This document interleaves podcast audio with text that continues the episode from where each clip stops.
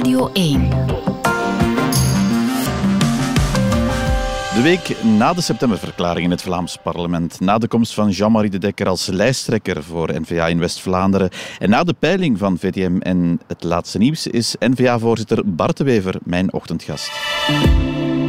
Goedemorgen, meneer De Wever. Goedemorgen. Ik wil toch beginnen met uh, die peiling van de collega's van het laatste nieuws en VTM. Uh, ik moet zeggen, als, als die peiling komt, wij zijn toch altijd heel benieuwd op onze redactie. En dan krijgen we van een goede ziel van hen ook wel dat snel doorgestuurd. Ah. Ja, dat is zo. Is dat iets waar, waar u ook zit op te wachten op zo'n peilingsresultaat? Of ja, kijkt u daar niet naar, maar dat kan ik niet geloven. Dat is een beetje zoals de beurskoers, hè, Michael. Dat ken jij zeer goed. Hè? Dus je zit daar inderdaad wel een beetje naar uit te kijken. Niet zozeer omwille van de nominale resultaten, want die zullen niet kloppen. Uh, maar om naar de tendens te kijken die in een peiling zit. En vanuit de wetenschap dat een peiling ook een realiteit creëert, met name in de media. Jullie behandelen dat alsof dat het verkiezingsuitslag is. En dus dan krijg je vriendelijke interviews of onvriendelijke interviews. Ja, dat is de realiteit. Ja, maar politie dat is de houden- houden er realiteit. dan ook rekening mee, begrijp ik van u. Als u dan gisteren dat ziet, uw partij eh, ja, rond de 20 procent, eh, dat is een, een tendens die, die de voorbije keer er ook al was. Hoe, hoe interpreteert u dat dan? Of, of wat doet dat met uw gemoed? Ik zal het zo vragen. Als je naar de foutenmarge gaat kijken en je analyseert alle peilingen van de laatste twee jaar, dan is het redelijk statisch en dan is er een probleem bij centrumrechts. Dat wil zeggen, deze kiezer in Vlaanderen is echt boos, zo boos, omwille van het begrotingsbeleid, het sociaal-economisch beleid, het migratiebeleid en het energiebeleid. Dat lijkt het klavertje vier van de boosheid. Ik merk dat ook in de straten. Zo boos dat hij de Rubicon oversteekt om te zeggen voort en die brengt een extreme stem uit. Dat is wat ik in die peilingen zie. En het is moeilijk, effectief, om die kiezer nog terug te halen. Want die is woedend, die stemt vanuit de buik.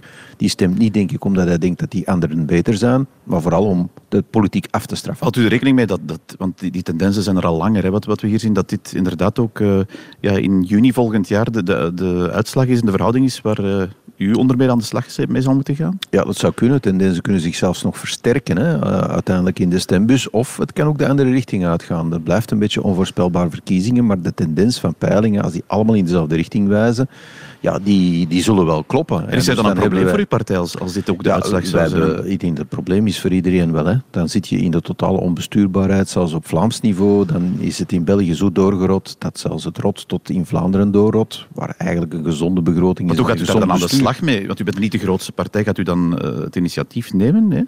Eh, het initiatief wordt genomen traditioneel in Vlaanderen door de grootste partij. En op federaal niveau is het dan de koning die bepaalt wie dat er aan zet komt.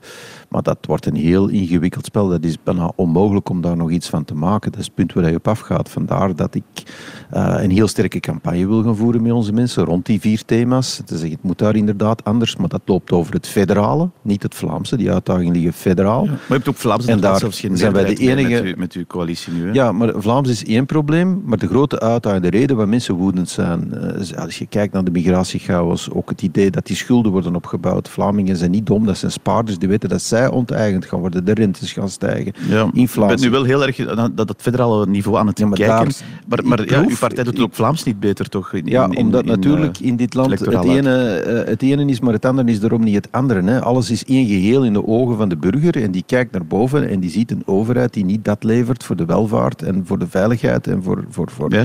burgerschap wat hij van die overheid wenst. En hij straft de traditionele politiek af. U kan mij een probleem aanpraten. We moeten eens kijken naar die andere ik- ik- centrumrechtse ik ben gewoon- partijen. Die staan bijna ik heb gewoon interesse in- in Zij wat- die wat in u dan- verantwoordelijk, Ja. eh, nemen, verantwoordelijkheid nemen, die staan bijna op omvallen. Ja, goed, Vivaldi heeft ook geen, geen, allicht geen meerderheid meer. Vlaanderen, de Vlaamse coalitie ook niet. Als u dan naar federaal niveau kijkt, dit is ongeveer de tendens die, die er zou zijn.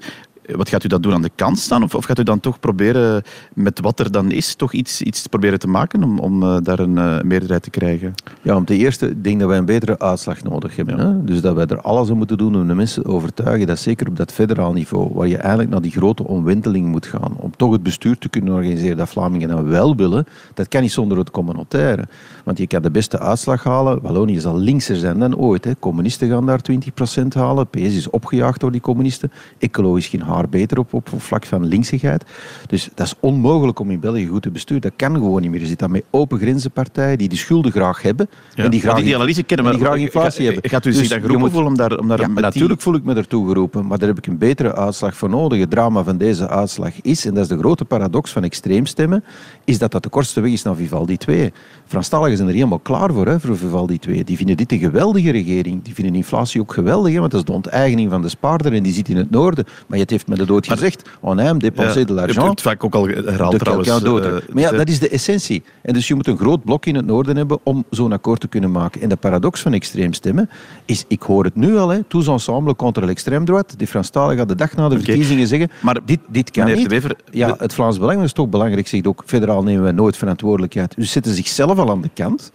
Dat wil zeggen dat je dan met verzwakte gelederen, maar mag ik dan afleiden dat verzwakte gelederen daar uh, aan, de, aan, de, tafel komt. Afleiden dat u wel zegt van federaal uh, ben ik wel bereid om verantwoordelijkheid te nemen. Ja, wij zijn altijd bereid om verantwoordelijkheid te nemen. Maar het gaat ook over u en uw rol, want ik hoorde meneer De Dekker... Over die, mij persoonlijk. Die, ja, die, is daar ook naar, uh, die zei ook, ja, het is nu aan u, meneer De Wever. Gaat u dat doen als, als, als, als u bijvoorbeeld deze uitslag zou zien in Het gaat niet over mijn persoontje en mijn carrière. Nee, maar, maar ik heb altijd voor uw partij gezegd, wel. sta me even toe... Ja? Uh, dat ik tot alles bereid ben als het ertoe doet. Als, je wil, als er een, een, een omslag naar het confederalisme kan komen en het offer is dat je daar jezelf moet insmijten, dan zal ik dat graag doen. Als er confederalisme kan komen, maar iemand anders wil per se de kroon dragen van de wedstrijd 16, dan zal ik die met plezier ook aan die anderen ja, geven. Maar ik wil je ook wel zeggen, want ik, het is natuurlijk nog vroeg, maar uh, het is nog negen maanden tot de verkiezingen. U zegt wel van, van uh, ik kan eventueel wel kandidaat premier zijn. Ja, maar ik, ik snap niet dat journalisten altijd ze focussen op die 16. Het is toch niet zo 16 is een, een, een, een kroon eh, van doornen. Hè. Wie die, die op zijn hoofd zet en het status quo bewaart, zoals meneer De Croo, die zelf had gezegd, zevende partij, in de 16e ben je een dweil. Ik zal nooit door het politieke leven gaan als een dweil. Moest ik in die situatie zitten waar meneer De Croo nu in zit, ik deed s'nachts geen oog dicht. maar wat ik ook wil vragen, de welvaart op de Wever, aan je eigen carrière. Dan ben je een platte carrierist. Maar, en dat zal ik nooit zijn. Nee, maar u, dat zal ik herinnert zich allicht die periode 14, 19, de Zweedse regering, toen u niet in de regering zat, uh, had heel veel nadelen. Ik, ik hoor u nu toch voorzichtig zeggen, nu zou het wel anders kunnen. Maar die Zweedse regering moet die geschiedenis niet herschrijven. En daar ga ik ook niet akkoord met de analyse van Jean-Marie. Die regering is er alleen maar gekomen omdat ik er niet in zat. Omdat Charles Michel, die met 20% van de Franstalige stemmen en dus het minoriseren van heel die democratie in het zuiden, er is ingestapt. Dat was de prijs die hij nodig had. En dan moet je die betalen. Dat zullen we dus uh, zien de komende maanden en in juni uiteraard ook. Ik hoor u zeggen, er, moet ook een, een, een Vlaams uh, een blok zijn vanuit Vlaanderen. Um, dan zitten we ook bij die herverkavelingen. Daar heeft u zo één, één zinnetje uh, over het laatste in Humo, dacht ik, gezegd van die herverkaveling komt er, moet er komen. Mm -hmm. is, is nu wat Jean-Marie de Dekker gaat doen, uw, uw lijst trekken als onafhankelijke, is dat nu een eerste stap tot herverkaveling? Ja, het is alleszins een stap in de goede richting. Ik vind nu dat er geen krachten mogen verdeeld worden. Uh, men kan over vele dingen van mening verschillen, maar als men het eens is over het feit dat migratiebeleid brak is in dit land, dat sociaal-economisch men voor werkenden moet kiezen en niet voor passieven, zoals Vivaldi, dat er kernenergie uh, moet komen om ons energiebeleid overeind te krijgen en dat we begroting moeten saneren, die vier werven, dan hoor je bij ons thuis. Dan mag je over al de rest van mening verschillen. Dat doet er niet toe. Het komende decennium zullen we alles op alles moeten zetten om die dus vier dus, recht te trekken. Die dingen die u zegt, als, als iedereen die dat onderschrijft, is welkom bij NVA+. Ja, en zeker en de Dekker die ook zegt, die vier dingen zal alleen in de context van Vlaams zelfbestuur kunnen. Wat ja. hij al jaren zegt, hij is een Vlaams nationalist. Als, als er nu de komende dus weken... dan hoort hij bij ons thuis, het heeft geen zin om nog eens met drie, vier partijen te gaan opkomen. Ja, maar als er nu de komende weken of maanden uh, van mensen van andere partijen zeggen, ik onderschrijf dat ook, die, die zijn ook welkom op uw lijsten te staan. Dan nu. Ja, er broeit iets in Vlaanderen. Je voelt dat. Hè. Lees het interview met Egbert Lachart in Humo, die eigenlijk net dezelfde analyse maakt. Zou, zou, die, zou, die, zou die ook op uw lijst kunnen staan, theoretisch gezien? Ja, maar als je over dat soort dingen praat, dan gaat het op de duur over overloperij. En overloperij interesseert mij niet. Ik ben niet op zoek naar individuen. Ik denk dat er in Vlaanderen een soort CSU nodig is, zoals in Beieren, een grote, dragende partij die maatschappelijk conservatief is, die economisch liberaal is en die vooral in staat is om een institutioneel akkoord te de maken. NVA zijn? Of, of, is dat iets wat naast NVA? Of, of, ja, dat kan u het karakter van een soort rifondatione krijgen, een soort herstichting van, van alle krachten van het centrum tot centrum rechts. En die misschien ook een appel kan hebben op de kiezers die naar uiterst rechts zijn gelopen. En je ziet in Europa, waar centrum-rechts goed georganiseerd is en een sterk aanbod heeft, dat die verkiezingen winnen. Die winnen alle verkiezingen. Die winnen zelfs verkiezingen tegen ja. uiterst rechts. Ik heb die in Spanje gezien. Maar Niemand had dat verwacht. Hey, hoe dus ik dat denk dat Vlaanderen dat ook nodig heeft. Hoe ziet u dat concreet? Hoe gebeurt dat? Wie neemt dat initiatief? Gaat, gaat u dat? Er zijn, zich geroepen om daar initiatief te nemen? Er zijn heel veel sta in de weg. Hè. Onze partijfinanciering, dat ziet niet goed, dat systeem. Die partijen zijn bedrijven geworden die op continuïteit uh, aansturen. We zijn ook al redelijk dicht tegen de verkiezingen. Maar anderzijds zie je ook wel dat bepaalde partijen naar een nulpunt gaan. Hè. Dus ik denk de VLD heeft nu zijn kiezers zo sterk bedrogen. Hè. Het opofferen aan de Maar met zo'n taal kan ik me inbeelden dat veel liberaal zeggen, hou uw partij maar bij u. Ja, uh, mensen die in de nomenclatuur van de VLD zitten misschien wel, maar de kiezer van de VLD, dat is de meest ontgoochelde kiezer die je op straat kan tegenkomen. Ja. En de uwe blijkbaar ook, want hij loopt massaal naar Vlaams Belang. Die loopt niet massaal naar Vlaams Belang, meneer eh, Van Drogenbroek. Je hebt gezien na de verkiezingen het bandwagon-effect dat die partij is doorgeschoven. Die heeft een kloof geslagen.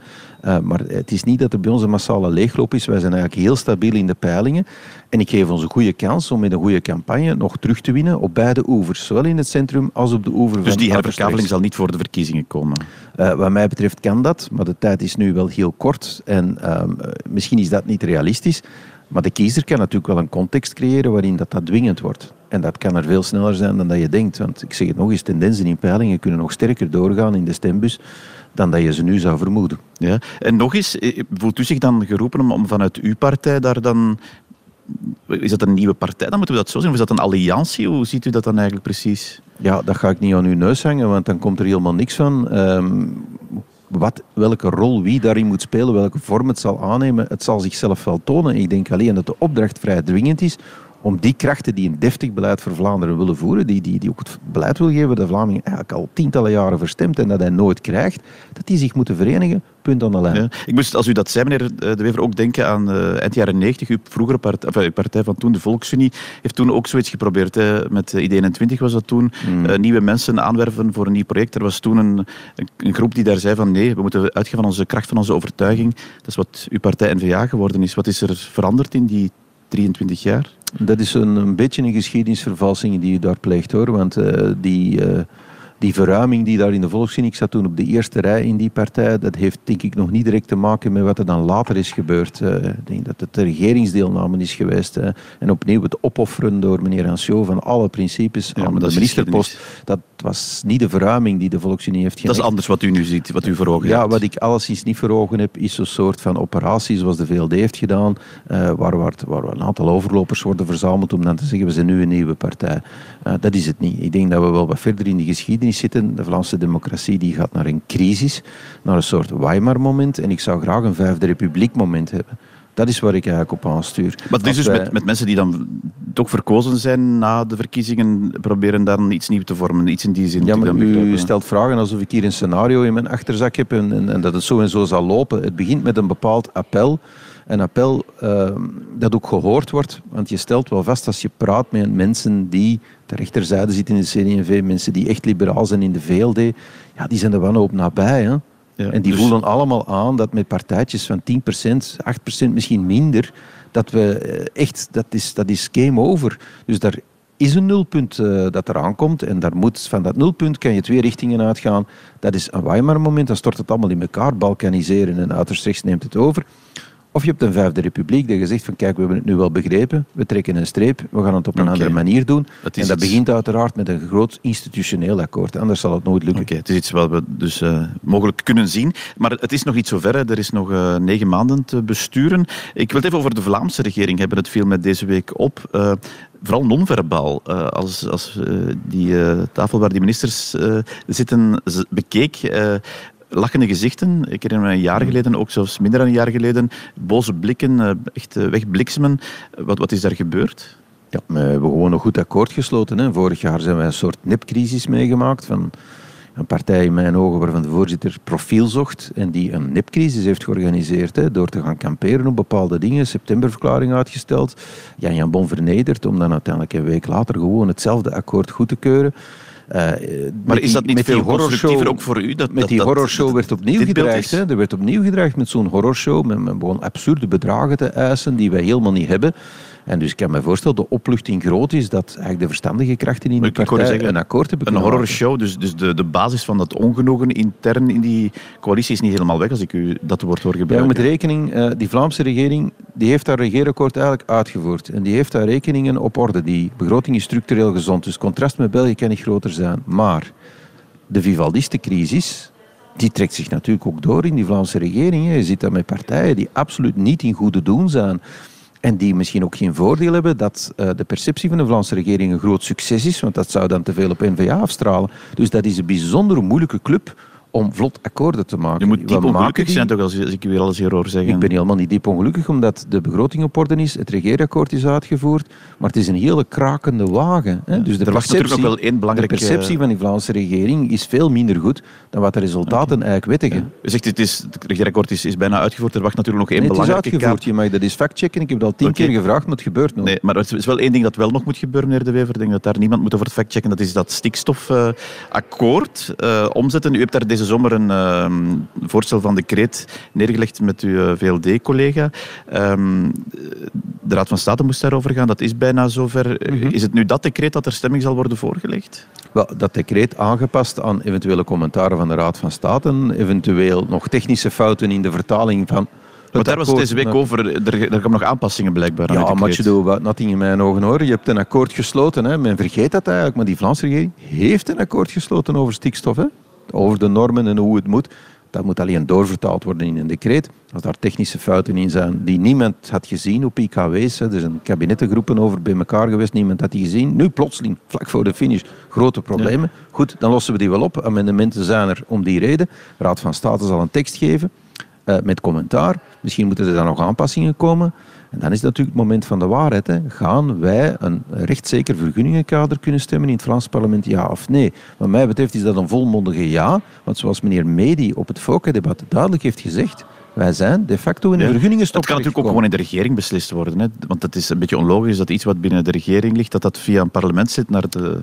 Dat is omwille van de snelheid. U weet dat er een Ineos-bom ontploft is en er kunnen nog veel bommen ontploffen. De luchthaven van Zaventem moet hervergund worden. Ik hou mijn hart vast. Hè. Er is geen rechtszeker kader, geen enkele vergunning in Vlaanderen, of dat het nu uh, voor een, een, kleine boerderij is of voor een enorme fabriek in Antwerpen of waar dan ook, die is nog rechtszeker. Als die wordt aangevallen op stikstof, kan die sneuvelen. Ja. We moeten die terecht timmeren de snelheid van een voorstel van decreet is veel groter dan een ontwerp van decreet, omdat je onmiddellijk naar de Raad van State gaat. Dus wij moeten tijd winnen. Het is natuurlijk ook wel zo dat uh, een, een regeringspartij niet helemaal eens is met wat u zegt. Hè. Een belangrijke regeringspartij die ook een bevoegde minister heeft. Um, is er een optie dat u zonder die partij, want die heeft dat decreet niet mee ingediend, dat toch ter stemming voorlegt? Ik kan me dat eerlijk gezegd niet voorstellen, meneer Van der Ogenbroek, omdat wij dit akkoord al twee keer hebben gesloten in de Vlaamse regering. En al twee keer hebben onderhandeld en dus eigenlijk hebben twee partijen er ook al twee keer voor betaald. Dat staat allemaal zwart op wit. Betaalt nu, u zegt met andere dingen toe te geven? Een compromis is een compromis, dat weet u ook. Hè? Geen enkel akkoord is een akkoord 100% op jouw leest. Dus als je een akkoord slaat en je sluit het nog eens, ja, dan is het een groot geheel der dingen. Een partij die dan zegt, ja, maar ik voer het akkoord niet uit, ik weiger dat gewoon, zit je met een gigantisch probleem. U hebt natuurlijk een aanbod van vooruit, die, die zegt zelf zeggen, wij, stemmen dit. Is, is dat een lange leste een optie of niet? Ja, we hebben een stikstofdecreet nodig, dat is heel duidelijk. En je zit met een, de grootste investering in de petrochemie van de laatste twintig jaar. Hè? En ook ecologisch, een bijzonder relevante investering. De juristen van dat bedrijf die zeggen ons, wij hebben het arrest bestudeerd en wij zien heel duidelijk, daar is een decreet nodig. Hè? Ik weet dat er een juridische lezing is die zegt, je hebt dat decreet ja. eigenlijk niet nodig. Um, de juristen van INEOS, net zoals vele andere juristen, zeggen jawel. En wij gaan dus geen vergunning indienen nee. als er geen we decreet is. meneer Duvers. Dus... Ik wil dat nog eens vragen. Is het een lange les een optie dat u dat dan effectief ter stemming brengt en dat u daar rekent op vooruit? Ja, uh, ik kan me niet voorstellen dat er iemand zo onverantwoordelijk is dat de grootste investering van 20 jaar wordt geofferd aan een soort partijpolitiek. Dus het is een optie? Alles is een optie. We moeten okay. dat decreet er krijgen. Dat bedrijf moet er komen. De petrochemie zit in crisis. Wij doen aan politiek om werkgelegenheid te creëren. Oké. Okay. Meneer Wever, ik wil van harte danken om hier vanmorgen te gast te zijn. Dank u wel. Graag gedaan.